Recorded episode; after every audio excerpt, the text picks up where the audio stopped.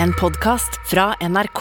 De nyeste episodene hører du først i appen NRK Radio.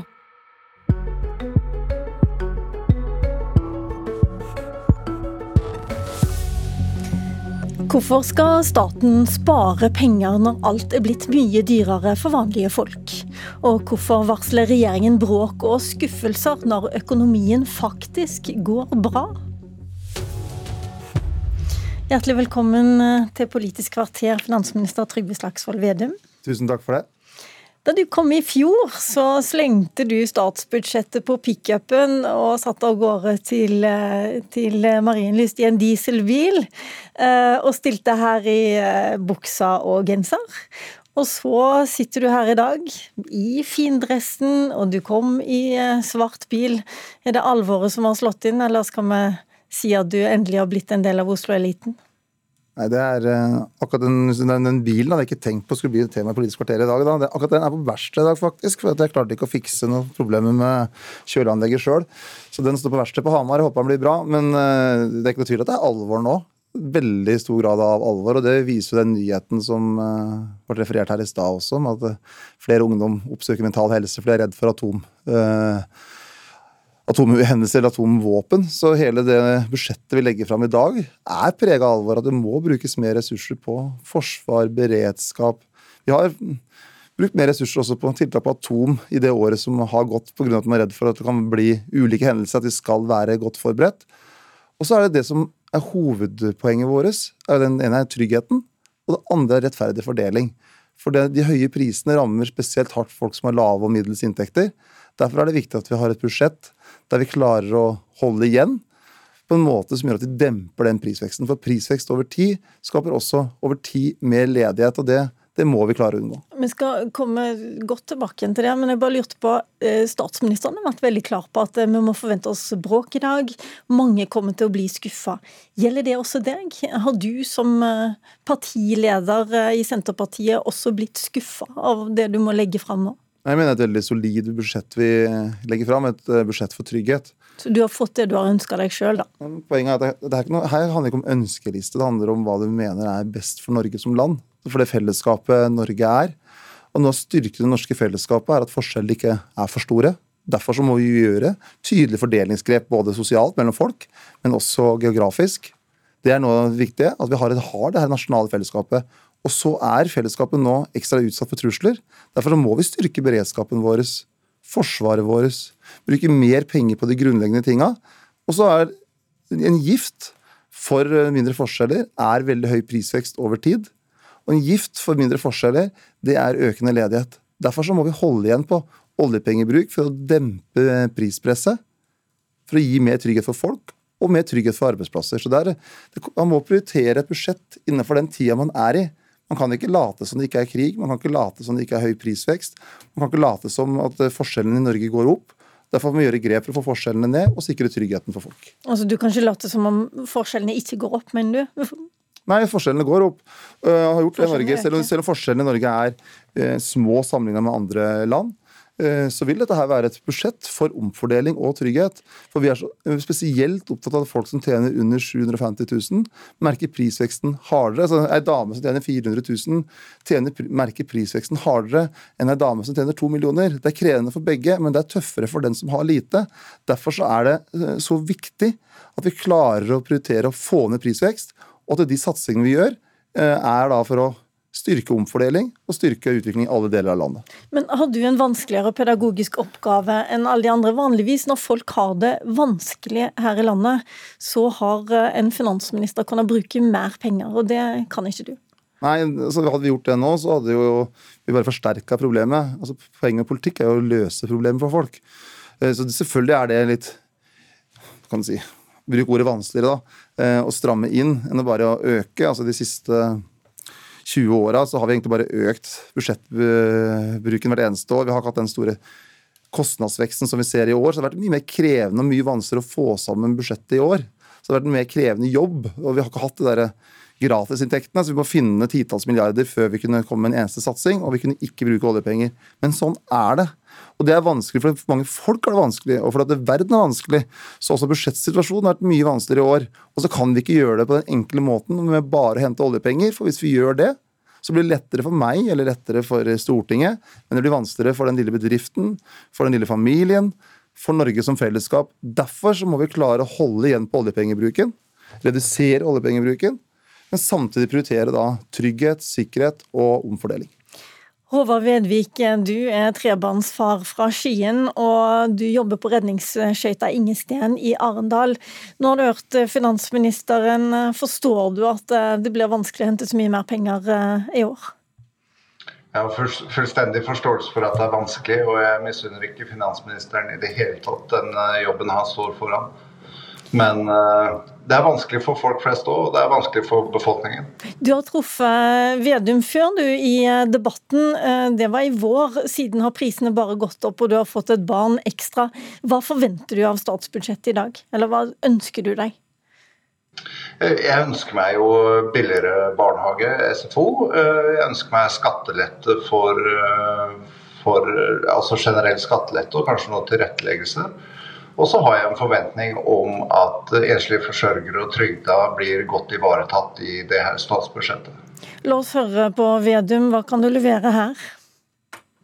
Altså, det aller viktigste som rammer en sånn familie eh, som Vedvik eh, har, er jo prisveksten. Så å dempe prisveksten er det aller viktigste, for det også slår inn på renta. Men når de, når vi, de prioriteringene vi har gjort, så vil det bli kutt i skattene for de som tjener under 750 000. Og for en familie som eh, jeg fikk fortalt at Ledvigs familie har ca. 1,2 millioner inntekt, altså 600 000 hver. Da vil med de skattegrepene vi da har gjort til sammen, vil en sånn familie bare liksom på det ren inntektsskatten få redusert skatten i sum med ca. 8000 kroner. Så det er jo et, det er et bidrag. Men 8000 kroner på et år, eh, Vedvik, eh, monner det? Jeg er takknemlig for det. det. Det, viser jo faktisk en eh, handling. Så det, det syns jeg er bra. Men om det monner godt nok, det, det, vet vi jo ikke. For vi vet jo ikke hvilken vei prisveksten og inflasjonen går. Mm. Så, jo, mm, så var det barnehagene? Ja, barnehagene så har vi jo vi har satt barnehageprisene ned litt i fjor eh, og litt i år. Eh, og det forslag som kommer nå, og da når du regner inn prisveksten, så sparer da en familie nesten 3500 kroner på de grepene vi gjør på barnehage. Så det er, et, det er også et bidrag. Eh, og I tillegg så har vi jo da sagt at eh, Nå vet jeg ikke om alle de tre barna Hvis det er tre barn i barnehagealder, så skal det siste barnet gå gratis. Nettopp nett og slett fordi det er så høy, høy belastning for de familiene som har tre barn i barnehage. Og I tillegg så kommer vi jo til å lage en fullårseffekt av den billigere SFO for første året. Og det er beregna at eh, da på et fullårseffekt så kan det spare, når ungen går i første klasse, ca. 20 000 kroner. Og grunnen for at vi er så opptatt av at de tjenestene der skal være billigere, er at det som er skummelt, er at de som ikke har råd, ikke sender ungen sin til barnehagen, eller de som ikke har råd, ikke bruker SFO, så blir det noen av de ungene som kanskje trenger mest å være sammen med andre, som også blir på utsida. Så de grepa i sum vil dempe regninga, men det vil også gjøre at flere får ha mulighet til å være en del av, eh, av fellesskapet. Men, men, det er, eh, jeg ser jo at det er krevende for mange, men det, dette er en prioritert målsetning. Gjøre det billigere for barnefamilier og at det er folk som tjener 500 600 000, som Vedvik gjør her, at man skal få litt mindre skatt. Det er ikke noen revolusjon, men det er en veldig klar retning. Nei, jeg ser det blir kalt småpenger av en forbrukerøkonom i DNB, men, men da, tror jeg, da tror jeg forbrukerøkonomen har ganske god råd, hvis man omtaler f.eks. de to åra med skatteendring som vi gjør nå, med 8000 kroner. Altså For de fleste så er 8000 kroner er penger. Og for de fleste så er 3500 i sum da, ved redusert kostnader kostnad for barnehage, det er penger. Eller at på SFO 20 000. Jeg syns ikke det er småpenger, men det er et bidrag, i hvert fall. Vedvik, du får altså 50 kroner billigere barnehage, pluss at det ikke pluss prisveksten, da, som, ikke blir, eh, altså, som gjør at den ikke øker enda mer. Men eh, hvis du hadde flytta til Nord-Troms eller Finnmark, så kunne du fått gratis. Ja, og det, jeg unner de i tiltakssonen absolutt alt eh, de kan få. Så jeg syns det er et kjempegrep for å beholde folk eh, i nord. Um, men samtidig så sliter vi her sør og har slitt med både strøm og rente og en sum av forskjellige ting som er, har gjort hverdagen veldig tung. Til og med så tung at jeg har måttet ta meg en ekstra jobb, og kanskje jeg til og med bikker over de 750 000 som igjen gjør at skatten ikke treffer. Ja, Da blir du skattetaper i så fall, for da må du ut med mer penger. Men Tusen takk til deg, Håvard Vedvik. Vi skal litt ut i verden, for eh, mens du legger fram statsbudsjettet i dag, eh, Vedum, så diskuterer statsminister Jonas Gahr Støre eh, krigen og energikrisen på et internasjonalt toppmøte i Praha. Kommentator Martin Sandby i Financial Times tror at også Støre vil få en pedagogisk utfordring når han skal forklare at hele det norske overskuddet, altså det vi tjener på olje og gass og strøm, salg i utlandet i forbindelse med Ukraina-krigen, det skal rett inn på oljefondet? Jeg tror dette blir vanskeligere og vanskeligere å forklare i Europa etter hvert som eh, høsten eh, kommer inn og temperaturene faller. I Europa så snakker jo disse lederne om energikrisen først og fremst. I vinter så får de fleste et valg mellom tre ting. Å ha store hull på budsjettene, eller å rasjonere energi, eller å la folk fryse hjemmene sine og fabrikker gå konkurs. Det er veldig vanskelig valg. Det er veldig tydelig at Norge ikke har de samme vanskelighetene. Og det er nok en gang, det er jo tross alt krig. Så det kommer til å bli større og større forklaringsproblemer for Norge, tror jeg. Ehm, det kan være at det går lenger enn det, og at det ikke bare blir et politisk press, men at Norge rett og slett blir tvunget til å dele på gevinsten. For nå vurderer EU-landene å innføre rett og slett et pristak på importert gass.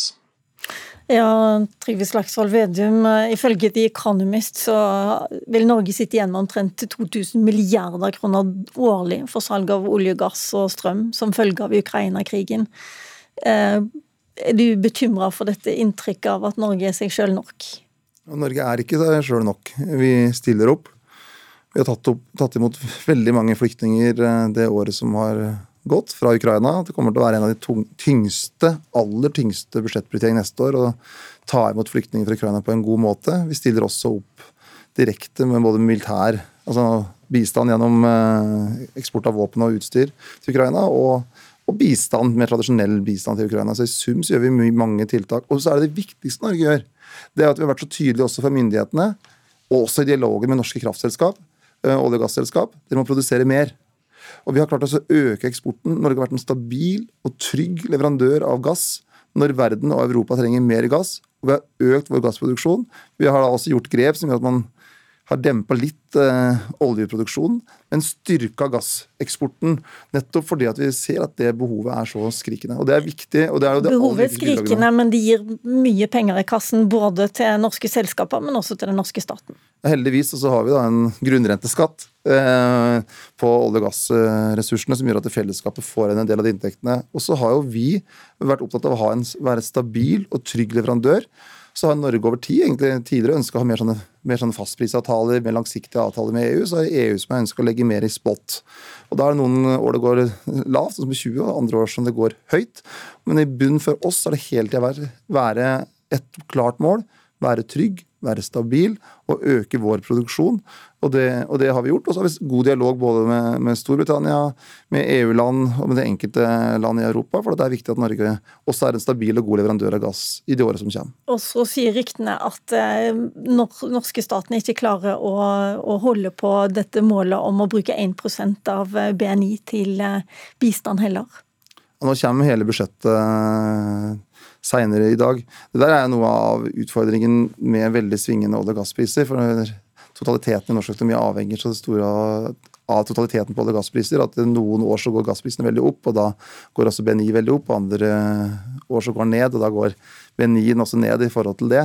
Men kan, så, du, kan du, med denne bakgrunnen da forvente at uh, i Europa, der problemene stort sett er mye høyere enn vi har uh, her i Norge, at de godtar å betale skyhøye gasspriser for norsk gass, altså, mens vi sitter her og samler penger til et pensjonsfond?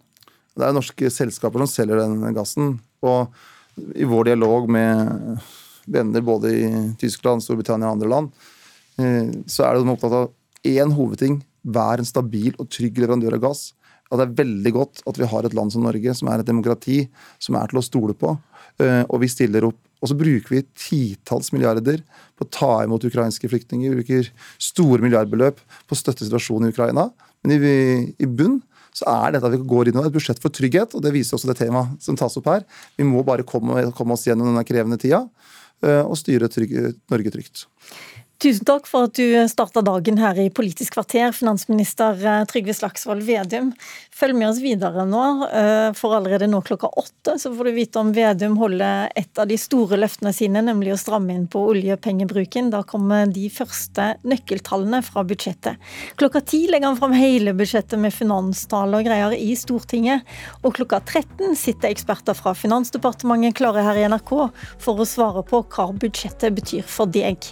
For meg betyr klokka nå at eh, Politisk kvarter er over. Mitt navn Lilla Sølhusvik.